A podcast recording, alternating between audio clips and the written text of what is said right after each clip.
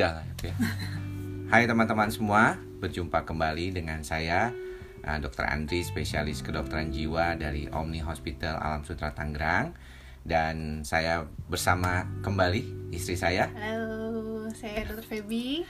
Oke, kali ini mungkin seperti janji-janji kami sebelumnya, kalau di setiap hari uh, Minggu uh, di jam 11, sekitar jam 11, kami akan live di YouTube channel saya Andri Psikosomatik, di Facebook Feby Runtulalo, di IG Andri Psikosomatik dan acara ini juga direkam di Anchor di podcast saya Psikosomatik Dr. Andri. Jadi nanti setelah acara ini buat teman-teman yang mungkin nggak kebagian live-nya bisa nonton di YouTube, bisa nonton di Facebooknya Feby.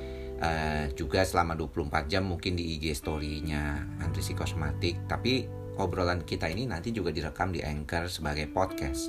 Ya. Nah, pada kesempatan kali ini ada beberapa hal yang mungkin kita ingin sampaikan, uh, terutama berkaitan dengan keadaan belakangan ini ya. Tadi Iya. sih saya baru mendengar sih uh, ada cerita dari uh, Rosi ya di Kompas TV uh, berbicara tentang Juni katanya udah mau mau berakhir. berakhir wabahnya. Ya.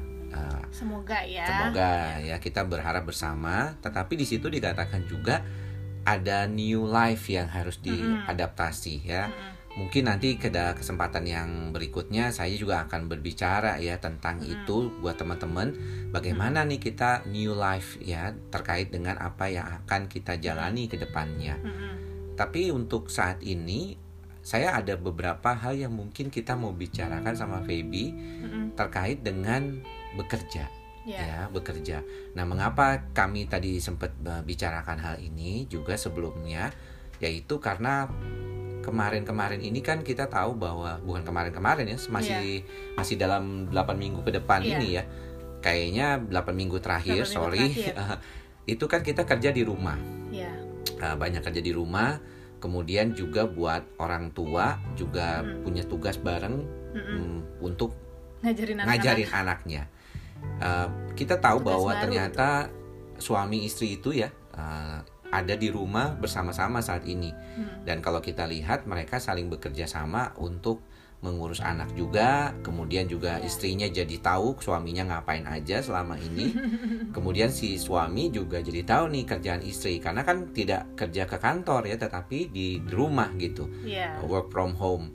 Uh, tapi yang menarik sebenarnya pekerjaan yang dilakukan oleh masing-masing pihak di dalam rumah tangga ini sering kali menjadi sesuatu hal yang kalau saya lihat ada beberapa kali kita ketemu dengan orang yang mungkin lebih baik dia bekerja aja deh di luar Suaminya. rumah suaminya, tapi istrinya di rumah sebagai ibu rumah tangga Mm-mm. ada juga yang kepinginnya itu dua-duanya bekerja ya terutama kalau kalau saya lihat tuh pasangan muda ya Ya. Uh, kayaknya tuh Rata-rata dua-duanya belum be- eh, bekerja, bekerja. karena mereka belum punya anak ada Mm-mm. juga atau mungkin masih memerlukan tambahan dana untuk Iya. uh, kehidupannya sehari-hari. Hmm. Nah untuk itu saya kebetulan uh, istri saya bekerja dan mungkin kita akan mewawancarai Feby bagaimana memutuskan untuk tetap bekerja Mm-mm. setelah bahkan punya anak gitu ya karena banyak kalau kita lihat uh, ada orang-orang yang tidak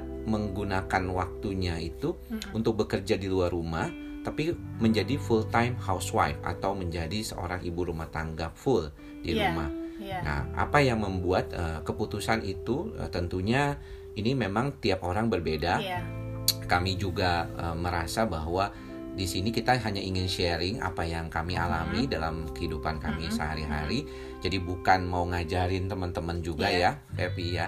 Jadi kita hanya ingin men ya sharing lah. Kebetulan uh, kita mencoba untuk mendapatkan insight ya. Mudah-mudahan teman-teman yang di sini juga bisa memberikan apa ya uh, sedikit banyak uh, komentar Ya. Nanti mungkin kita akan bacakan komentarnya kalau misalnya teman-teman ini bekerja sebagai seorang perempuan bekerja di luar rumah juga sa- walaupun saat ini WFH ya dan apa yang menjadi keputusan teman-teman untuk eh, bekerja.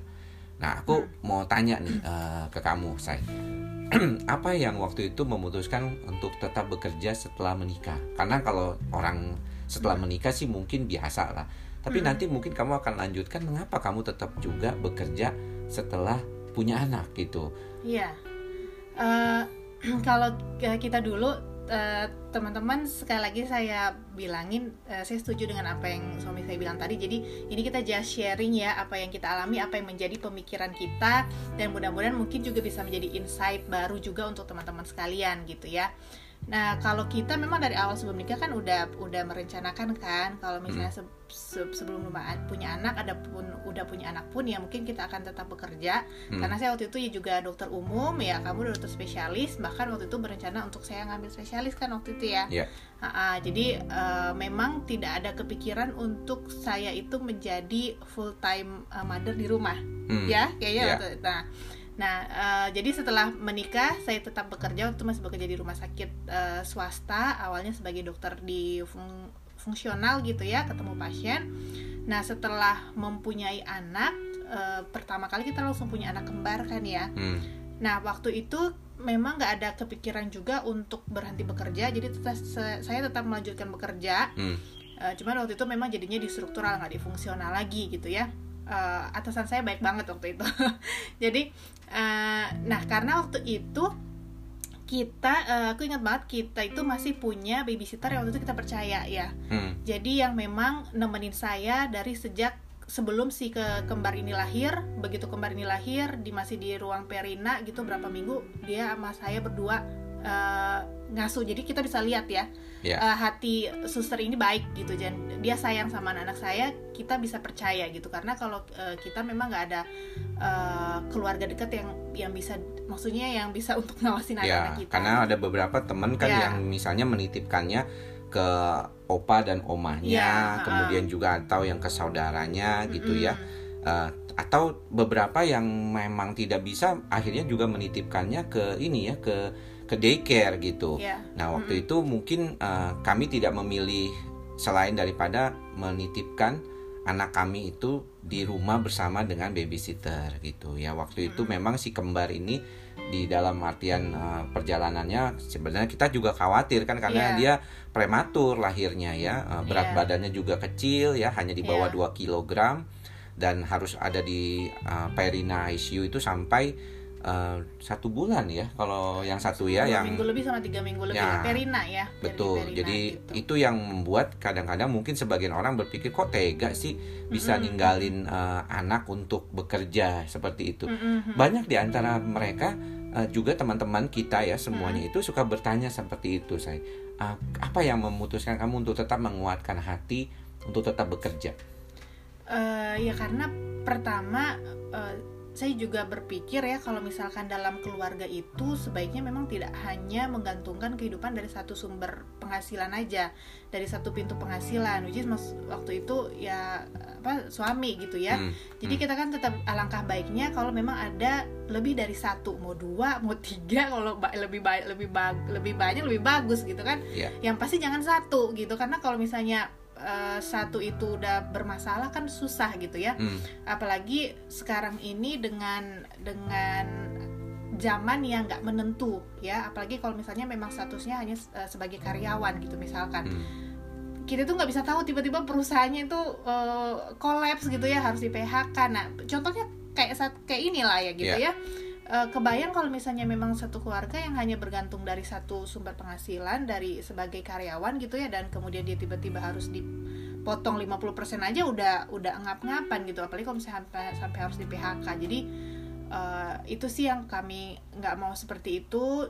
Jadi kami juga berpikir ya tetaplah harus ada eh, lebih dari satu pintu penghasilan gitu. Apalagi Hmm. waktu awal-awal itu kan ya memang belum terlalu ba- banyak gitu ya. Masih ya cukup lah gitu. Iya. tapi ya begini belum belum belum belum belum terlalu banyak lebihnya gitu ada hal yang menarik mungkin yang uh, sering menjadi pertanyaan begitu ya uh, beberapa teman gitu. Salah satunya nih uh, ada Ibu Rini Subekti nih, makasih Ibu Rini ya. Uh, beliau bertanya nih, setelah menikah kerja itu karena kebutuhan. Ya tadi kita sudah sebut tuh kebutuhan Iya. satu.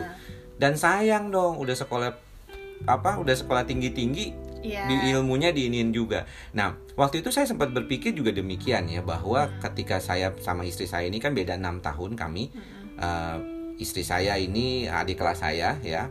Uh, kemudian saya waktu tingkat 6 uh, dia tingkat 1 di FKUI waktu itu setelah kita ketemunya sendiri sih sebenarnya waktu saya masih pendidikan uh, kedokteran jiwa ya waktu mau jadi residen uh, mau jadi apa mau jadi psikiater gitu dan saya melihat memang uh, saya yang berpikir bahwa sayang juga ya kalau misalnya tidak bekerja begitu mm -hmm. Uh, kalau misalnya udah sekolah tinggi-tinggi kok nggak bekerja. Hmm. Tapi kalau misalnya dari sisimu sendiri gitu ya, nah, melihat teman-teman dan juga orang-orang di sekeliling yang mungkin hmm. waktu itu kan semuanya bekerja gitu ya. Yeah. Apakah mereka punya alasan beda-beda? Saya maksud saya uh, saya ingin menanyakan pada istri saya itu kan satu kelompok teman-teman itu banyak yang perempuan juga dong di iya. kantor itu ya. Waktu waktu kerja di rumah sakit Iya. Ya? Iya. Ya.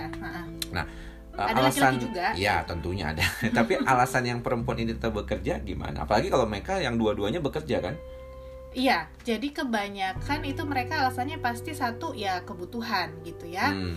Uh, kemudian yang kedua memang ada orang yang yang yang nggak bisa diam gitu di rumah gitu. Ada hmm. juga yang seperti itu gitu. Hmm. Kemudian uh, ada juga yang yang tadi juga berpikiran ya maksudnya sayang kalau misalkan sudah sekolah tinggi tinggi terus uh, cuman di rumah aja gitu. Hmm. Hmm. Jadi cuman memang paling besar itu ya karena kebutuhan harus iya. memenuhi kebutuhan keluarga gitu. Iya, iya. Hmm. Dan kalau misalnya akhirnya dari bekerja tersebut kalau misalnya dibandingkan dengan misalnya kan ada beberapa orang yang hmm. tidak memberikan uh, izin ya, hmm. terutama pihak suami nih kepada istrinya mm untuk tetap bekerja mm karena banyak alasan. Ya mungkin juga teman-teman punya alasannya sendiri nih. Mm ya silakan kalau ada yang mau komentar mm uh, di IG live atau di YouTube live atau di Facebooknya Feby. Mm salah satunya adalah nggak mau memberikan anak itu kepada asuhan orang lain. Karena khawatir yeah. mereka itu menjadi uh, berbeda atau misalnya nggak bisa lah disamain orang tua dengan anak sendiri eh sorry orang tua dengan uh, babysitter gitu misalnya iya, sempat iya. nggak iya. terpikir seperti itu saya Uh, iya benar. Jadi terutama waktu masih kerja full time sebagai karyawan di rumah sakit ya meskipun kita, kita dokter kalau dokter umum itu ya jatuhnya karyawan juga gitu di rumah sakit kan hmm, kerja hmm. pagi sampai uh, Jumat. Uh, dulu bahkan masih jaga malam bersyukur banget setelah punya anak saya nggak perlu jaga malam lagi gitu ya. Hmm. Uh, cuman sejak di struktural kan pagi uh, Senin sampai hmm. Jumat kadang Sabtu masuk gitu dan tuh Senin sampai Jumat pagi sampai sore kadang sampai rumah udah malam. Hmm uh, memang sempat kepikiran tuh jangan-jangan nanti takutnya kalau anak ini sakit atau apa dia carinya bahkan uh, susternya gitu bukan hmm. mamanya itu kan sesuatu yang menyedihkan banget gitu buat buat buat buat orang tua gitu apalagi uh, mama gitu ya uh, cuman bersyukur sih karena kalau kalau menurut saya uh, tergantung bagaimana kita ke anaknya gitu ya hmm. maksudnya jangan sampai memang semuanya diserahkan ke uh, apa namanya ke suster gitu atau pengasuh. Jadi suster atau pengasuh itu uh, kita jadikan sebagai tim player kita untuk membantu mengawasi anak-anak menemani mereka ketika kita tidak ada. Tapi untuk unsur-unsur uh, pendidikan ke anak-anak maksudnya pendidikan untuk pribadi apa yang gitu itu harus harus dari hmm. uh, dari kita gitu. Jadi anak-anak tuh bisa membedakan ini mamanya ini susternya gitu. Jadi uh, bersyukur sih waktu itu nggak pernah sih anak-anak anak kita sampai segitu gitu kan ya nah cuman memang pada saat yang si kecil kita lahir gitu ya anak yang ketiga nah yang suster saya itu berhenti karena dia juga ada keperluan nggak bisa ninggalin anaknya nah dari situlah baru kita uh, apa saya hmm. memutuskan harus uh, resign hmm. gitu kan ya hmm. nah waktu itu belum terpikir hanya karena memang kami berkomitmen nomor satu itu keluarga prioritas pertama kami adalah anak-anak gitu kan yeah. jadi saya memprioritaskan anak-anak di atas pekerjaan saya jadi uh, ya udah karena nggak bisa ada yang jaga gitu kan kalau mengharapkan orang baru nggak bisa ninggalin ketiga anak yang di bawah lima tahun semuanya ini yeah. ke orang baru hmm. nggak hmm. bisa jadi begitu tahu uh, saya hamil masih umur berapa bulan gitu ya saya udah bilang ke atasan saya kalau saya pada saat lahiran saya akan resign gitu hmm. uh, karena alasan ini Nah, cuma ternyata memang setelah uh, resign ya 5 bulan, 6 bulan, nah itu uh, mungkin juga karena saya terbiasa bekerja, jadi ada perasaan bahwa kalau saya itu hanya di rumah ada ada perasaan useless gitu. Jadi perasaan uh, tidak membantu keuangan keluarga meskipun saat itu uh, apa thanks to God banget kita udah Ya, cukup ya luma- gitu Kita sih sudah sudah Lumayan lumayan. waktu itu, ah, jadi- jadi sudah bisa setidaknya lah. kebutuhan dasar terpenuhi dan bisa menabung. Menurut Iya. saya itu udah cukup kalau buat Kebutuhan saya dasar ya nggak perlu mewah-mewah gitu Iya, kan. sekunder juga bisa terpenuhi gitu ya. Hmm. Kita masih bisa jalan-jalan dan bisa menabung gitu. Jadi eh, apa basically dia udah memenuhi semuanya gitu dari penghasilan dia udah memenuhi semuanya gitu. Tapi tetap ada perasaan di saya seperti itu. Dan setelah saya pelajari ini juga saya mau kasih eh, apa namanya insight buat teman-teman ya kenapa kita tuh perempuan harus eh, istilahnya itu sebenarnya harus mandiri secara finansial juga Hmm. gitu. Jadi nomor satu kan ya memang kita eh, maksudnya berpikiran harusnya tuh kita pengennya bersama selamanya gitu kan. Hmm. Tapi kan nggak ada yang bisa tahu misalkan eh, yang satu mungkin sakit, yang satu nggak bisa mencari penghasilan, cari uang lagi ya tetap harus si perempuan ini punya kemampuan untuk menghasilkan uang gitu Hmm. jangan sampai tiba-tiba yang satu nggak bisa nggak ya nggak bisa kerja yang perempuan kelagapan kagak pernah kerja ini jadi mau nyari uang tuh bingung gitu Iya. Dan yang mungkin perlu Iya. diingat sama teman-teman bahwa jadi dokter itu sebenarnya professional job ya. Jadi kebanyakan Iya. kita tuh rata-rata eh, bekerja sama dengan rumah sakit atau kita punya klinik sendiri atau kita praktek pribadi. Artinya kalau ada pasien kita baru mendapatkan imbalan jasa dari Mm-mm. jasa medis namanya. Tapi kalau kita nggak bekerja, misalnya ada beberapa teman dokter yang mungkin sakit atau misalnya Hmm. ada sesuatu hal yang membuat dia tidak bisa praktek seperti contohnya sekarang nih Hmm. eh, di masa eh, wabah COVID-19 Hmm. ini kita lihat banyak teman-teman dokter yang memutuskan apalagi yang usianya di atas 60 tahun tuh Hmm. tidak berpraktek eh, sekali apa tidak Iya. berpraktek seperti dulu lagi ya. Iya. Dan tentunya ini akan mengurangi pendapatannya jauh seperti itu. Iya. Artinya jangan sampai orang berpikir kalau ah mungkin udah banyak duitnya atau apa Mm, gitu ya. Tetap aja namanya uang kalau Mm. dipakai terus ya habis juga ya. Tabungan juga begitu gitu. Mm-mm. Tadi eh, kamu sempat bilang bahwa ini sebagai kalau misalnya ada apa-apa dengan Iya. suami gitu ya. Iya. Kalau misalnya saat kemudian sudah selesai dari jadi karyawan gitu, Hmm. apa yang terlintas waktu itu? Aduh, eh, udah nggak kerja lagi nih. Eh, Mm-mm. Kemudian tadi juga dirimu bilang kan kemungkinan saya harusnya sih sayang sekali ya kok useless berasa seperti itu di Mm-mm. rumah. Nah, waktu itu apa yang terpikirkan untuk kemudian eh, mencoba sesuatu hal yang baru kah, bekerja dari rumah Mm-mm. atau apa yang yang mungkin eh, bisa dibagi buat teman-teman kita nih? Eh, iya. Teman-teman kalau misalnya ibu rumah tangga di rumah itu sebenarnya pekerjaannya banyak ya. Jadi apalagi kalau cuma sendiri nggak ada asisten itu seharian ngerjain kerjaan rumah tangga. Jadi dan saya nggak mau bilang pekerjaan ibu rumah tangga itu gampang jadi kita harus nyari yang lain. Ya memang itu eh, luar biasa pekerjaan eh, ibu rumah tangga itu. Tapi yang saya berpikir waktu itu adalah saya ingin eh, punya andil dalam eh, ekonomi keluarga gitu. Dan eh, apa kebetulan dia juga setuju gitu kan jadi Hmm. eh, setuju lah dengan dengan dengan apa yang saya pikirkan nah eh, tadi kamu nanya apa kenapa begitu ya Iya, maksudnya akhirnya eh, apa yang terpikirkan, seperti apa yang mau dilakukan seperti itu. Oh iya, Hmm. jadi eh, saya jadinya mikir saya harus menghasilkan uang dari rumah gitu. Karena kalau misalkan mau jadi dokter lagi, ya kalau misalnya saya selama ini kan udah sebelumnya tuh dua tahun di struktural, kalau mau ke struktural ya berarti jadi karyawan gitu kan. Full time kerjanya nggak bisa saya kayak gitu. Jadi nggak mungkin gitu. Jadi harus cari alternatif lain apa yang bisa saya lakukan. Dan saya sih waktu itu memang nggak berpaku saya dokter harus jadi kerjaannya yang kayak dokter Hmm, gitu. Eh, enggak. Eh, karena apa yang bisa saya lakukan dari rumah ya harusnya bisa. Karena kalau menurut saya ya ya sekarang saya nggak bisa tapi saya bisa belajar gitu maksudnya gitu. Jadi apa yang saya bisa lakukan dari rumah. Jadi waktu itu kita memutusin untuk eh saya berpikir dulu berarti harus jualan dong gitu. Yang kepikiran ya jualan online gitu kan hmm, yang hmm. bisa dilakukan dari rumah. Dan juga modalnya kecil gitu. Jadi uh, kepikirannya waktu itu saat itu. Dan mulai mencari apa yang bisa saya jual lewat online gitu. Oke, Gitu nah. Pak Dharma Setiawan di YouTube channel saya Andri Psikosomatik mengatakan hebat Dokter Andri dan istri satu visi semoga langgeng selamanya. Thank you Pak. Iya. Nah ini juga yang tadi saya eh, ingin jelaskan juga gitu. Hmm. Saya sebagai eh, suami eh, memberikan izin untuk eh, istri bekerja. Salah satunya pemikirannya tadi betul apa yang dikatakan oleh Feby Mm-mm. bahwa saya berharap bahwa istri itu juga punya sesuatu kemampuan menjadi backup gitu ya.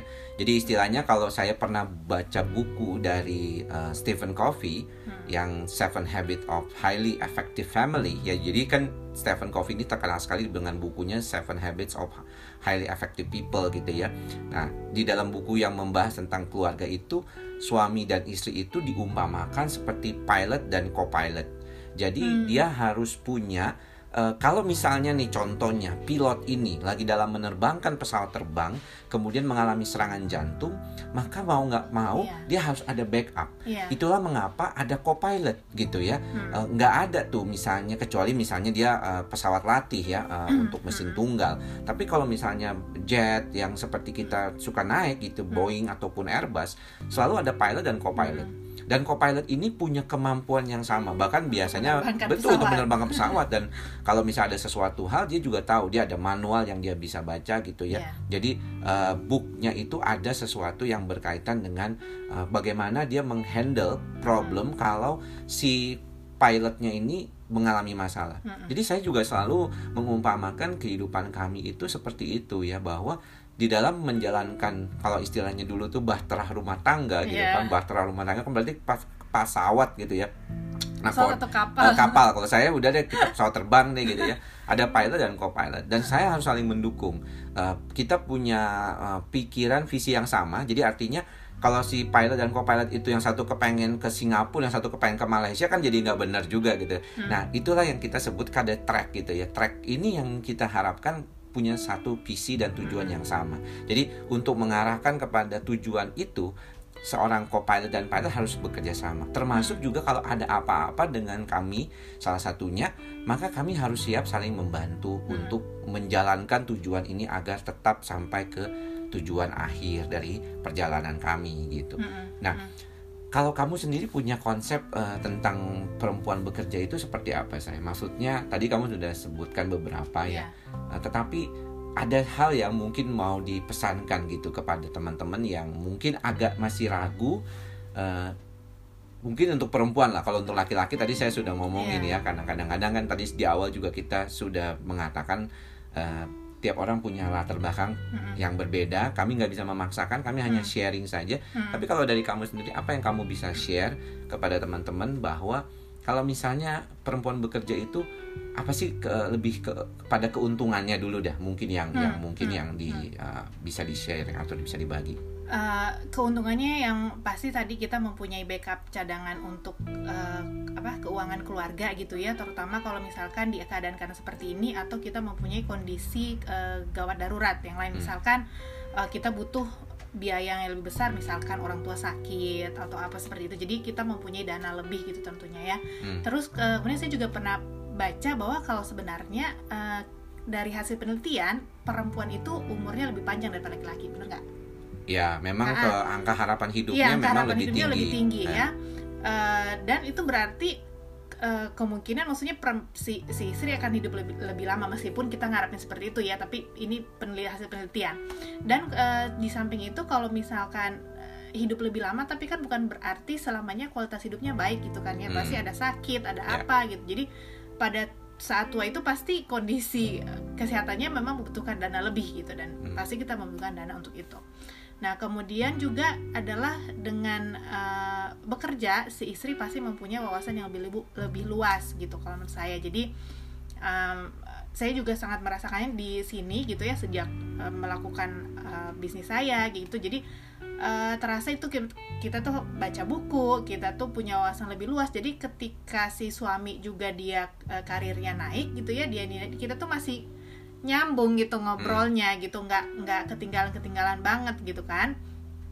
Pasti di sini ada yang yang yang yang ngerti maksudnya maksud saya gitu ya. Jadi kalau misalkan sebaiknya tuh si istri tuh bisa bisa mengimbangi uh, apa namanya suaminya lah sepertinya gitu. Dan kalau keuntungannya lebih lagi adalah si istri tuh jadi punya kebebasan untuk memilih dalam arti ya mungkin kalau misalnya nggak apa-apa tuh minta suami gitu hmm, lah yeah. misalnya cuman mau beli uh, my, apa namanya kebutuhan lima puluh ribu seratus ribu harus nanya suami hmm, gitu hmm. minta sama suami jadi uh, kalau kita lebih punya apa simpan sendiri kayaknya lebih yang pasti lebih enak ya itu Iya. itu itu kalau uh, kalau menurut saya jadi kita tuh nggak apa-apa suami nggak apa-apa suami jadi terlalu depend dependent banget gitu sama suami gitu Hmm. nah kalau kalau kamu gimana rasanya kalau misalnya punya istri bekerja tuh karena kamu mengizinkan selain alasan tadi ada alasan lain nggak Sebenarnya salah satunya adalah kalau saya sih mikirnya tadi ya uh, selain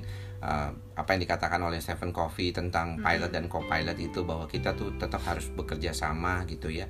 Yang kedua adalah kalau misalnya saya melihat bahwa setiap orang itu punya kemampuan untuk berkembang gitu ya. Iya. Jadi kalau misalnya kita menghambat perkembangannya dengan hanya memberikan tugas-tugas yang biasanya dia lakukan, misalnya tugas rumah tangga gitu ya, bukan berarti tugas rumah tangga itu tidak baik, bukan berarti tugas rumah tangga itu eh, gampang gitu Iya, ya, gampang seolah-olah ya, uh. diberikan gitu. Saya tahu banget karena ibu saya sendiri adalah seorang full time housewife gitu ya, jadi eh, ibu saya itu adalah seorang ibu rumah tangga tulen ya, yang hanya kerjanya di rumah gitu ya dan kalau saya melihat memang ada beberapa hal yang mungkin eh, hilang ya ketika udah mulai eh, tua anak-anak eh, keluar rumah agak sulit mungkin beliau karena eh, pergaulannya agak eh, kurang gitu. Itu yang membuat ada beberapa eh, kerugian kalau misalnya dia tidak pernah bekerja atau dia tidak pernah punya pergaulan di luar gitu ya.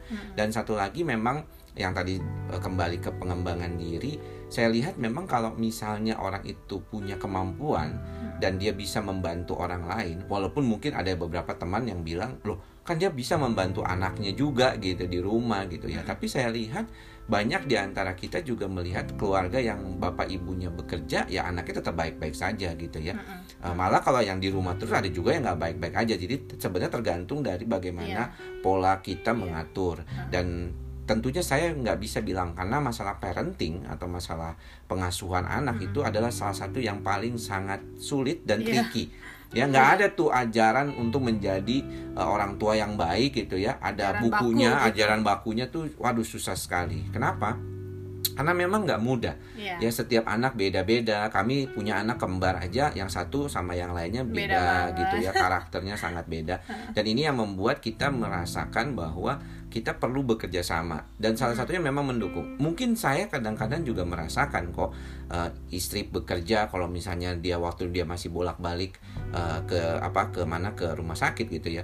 Waduh kok pulang masih harus mengerjakan pekerjaan di rumah gitu ya. Makanya saya cukup seneng ketika akhirnya ke- berhenti bekerja dan memilih bekerja di rumah gitu. Jadi eh, bekerja di rumah buat saya itu lebih membuat saya merasa oh ya anak selalu ada gitu. Apalagi sekarang dengan kemajuan teknologi kalau bisnis meeting bisa pakai online gitu ya. Sekali-sekali keluar ya kita bisa misalnya ada acara di hari Sabtu atau di hari Minggu Uh, tapi kan saya juga kadang-kadang memberikan seminar di Sabtu Minggu. Jadi sebenarnya yang tadi kompromi lah Uh, bahwa kalau misalnya istri pergi untuk mendapatkan sesuatu akan saya apa akan saya dukung ya. Kenapa? Saya juga merasakan sih kalau saya di rumah aja juga bosen. Iya. Uh, bosen saya di rumah aja gitu ya. Jadi eh, istri bekerja saya kira dengan era saat ini saya nggak bisa samain misalnya dengan mama saya aja dulu full time housewife nggak apa-apa kok gitu anaknya baik-baik aja semuanya jadi eh, apa tapi kita nggak bisa bilang begitu begitu ya Eh, menurut saya kita perlu melihat apakah itu anak ataupun eh, si istri ini sehingga kami sering kali berdiskusi gitu ya sering kali bertanya gimana menurut kamu? Apakah ini eh, cocok apa enggak? gitu. Aku kan suka nanya kayak gitu kan Iya. kamu kayak pengennya apa? gitu. Jadi kita juga mungkin saya bilang eh, kebiasaan saya memang sehari-hari mendengarkan pasien. Mm-mm. di situlah makanya kenapa kami saat ada ketemu ngobrol begini di IG Live atau di YouTube Live saya yang ngobrol sama ngomong sama pasien. Ah, ngomong sama teman-teman lah bukan Iya. pasien gitu ya. Tapi kalau misalnya eh, berkaitan dengan eh, ketika saya bertemu dengan pasien pastinya saya mendengarkan dan mencoba mencari cara jalan yang mana lebih baik. Itu juga yang kita harapkan terjadi di rumah tangga kita gitu. Jadi kita berupaya untuk kompromi eh, terus eh, memberikan apa namanya masukan-masukan. Dan kita tidak selalu berada pada posisi yang selalu bisa pas ya. Ada saatnya Iya. di mana anak misalnya sakit kemudian juga dulu waktu anak sakit juga kan bingung sekali ya kalau misalnya kita kerja sebagai karyawan di Iya. satu pihak saya nggak bisa Kalau nunggalin dua-duanya karyawan gitu ya. Ah, kalau yang satu gimana nih sampai ada beberapa eh, minta surat izin sakit. Ingat banget saya jadi dokter dulu tuh anak yang sakit ibunya yang minta izin sakit ya walaupun itu nggak boleh kan di dalam Iya. uh, kita nggak bisa memberikan izin karena anaknya sakit gitu kalau saya sih waktu jadi dokter umum ya nggak bisa begitu Mm-mm. Ya, benar banget kalau eh, yang pasti kita tuh mau menyampaikan kalau suami is, apa istri bekerja itu Hmm. mempu- memang mempunyai banyak kelebihan. Eh, yang pasti si istri juga eh, dalam artian ya dia bekerja tapi tetap harus tahu diri, tahu perannya gitu ya sebagai istri, sebagai ibu rumah tangga. Eh, ya memang ya itulah buat perempuan-perempuan itu nggak nggak nggak gampang karena memang harus ngatur rumah tangga, ngurus anak, ngurus suami, bekerja gitu. Ya. Nah, tapi ketika kita bisa menjalankan itu semua, eh, saya yakin kita akan menjadi perempuan yang lebih tangguh gitu. Jadi, Hmm. eh, nah itu dia satu lagi adalah meskipun kita juga bekerja s- dengan suami juga bekerja, tetap harus menghargai suami gitu ya. Apalagi kalau misalkan kalau saat ini sih ya kalau kita sih masih masih suami yang pegang peranan gitu untuk ekonomi tapi kalau misalkan ada kasus mungkin eh, istrinya lebih eh, banyak nih penghasilannya gitu daripada suami Oh, gitu iya. kan nah itu ag- tetap agak susah tuh. ya tetap buat buat laki-laki yang ya. yang kita kan tetap aja ada ego kan Iya, misalnya. Hmm. Iya, tetap sebagai itu harus harus menganggap memang ya kepala rumah tangga adalah eh, suami gitu. Nggak nggak ya mungkin ya, ini topiknya agak inilah ya tapi itu yang Hmm. saya mau sampaikan eh, kalau istri bekerja pun dia punya penghasilan lebih banyak dari suaminya pun gitu ya tetap harus menghormati eh, suami dan intinya adalah komunikasi berdua gitu ya. Karena kadang-kadang saya juga suka bilang ke dia sih ingetin aku ya kalau misalkan udah kebanyakan pegang handphone gitu. Ya. Eh, jadi eh, ingatnya jadi bilang eh, kamu kamu udah ini nih anak-anak ini dulu. Oke oke gitu. Jadi eh, komunikasi lah gitu saling saling mengi- saling mengingatkan juga gitu. Oke. Gitu sih. Saya kira kita sudah berbicara cukup banyak. eh, saya kira 30 menit eh, supaya teman-teman juga bisa mendapatkan manfaat tanpa merasa bosan ya dengan dengan apa yang kami bicarakan. Mudah-mudahan nanti di lain kesempatan kita berdua bisa berbicara banyak hal lagi terkait dengan kondisi kehidupan eh, saat ini dan mudah-mudahan eh, selalu dalam keadaan sehat-sehat semuanya. Teman-teman semua, eh, saya dan dan saya Dr. Feby mengucapkan terima kasih ya buat teman-teman. Selamat menjalankan ibadah puasa Ya. buat teman-teman yang saat ini sedang menjalankan ibadah puasa. Mudah-mudahan ibadah puasanya diterima dan kita tetap sehat uh, Ya. karena daya tahan tubuhnya kita perlu ya karena Mm. masih dalam kondisi yang sulit seperti sekarang ini. Mudah-mudahan apa yang kami sampaikan berdua bisa bermanfaat, ya. Oke, thank you ya semuanya ya yang sudah hadir di YouTube channel saya Andri Psikosomatik, di IG Andri Psikosomatik dan teman-teman di Facebook Andri eh kok Facebook ah, Andri Oh, Facebook Facebook Feby kebanyakan ininya ya Facebook- Feby bisa ya. lalu ya dan Oke. kita ini kebetulan uh, juga direkam di Anchor di podcast saya nantinya akan Ya. ditayangkan juga. Thank you semuanya. Sampai bertemu lagi.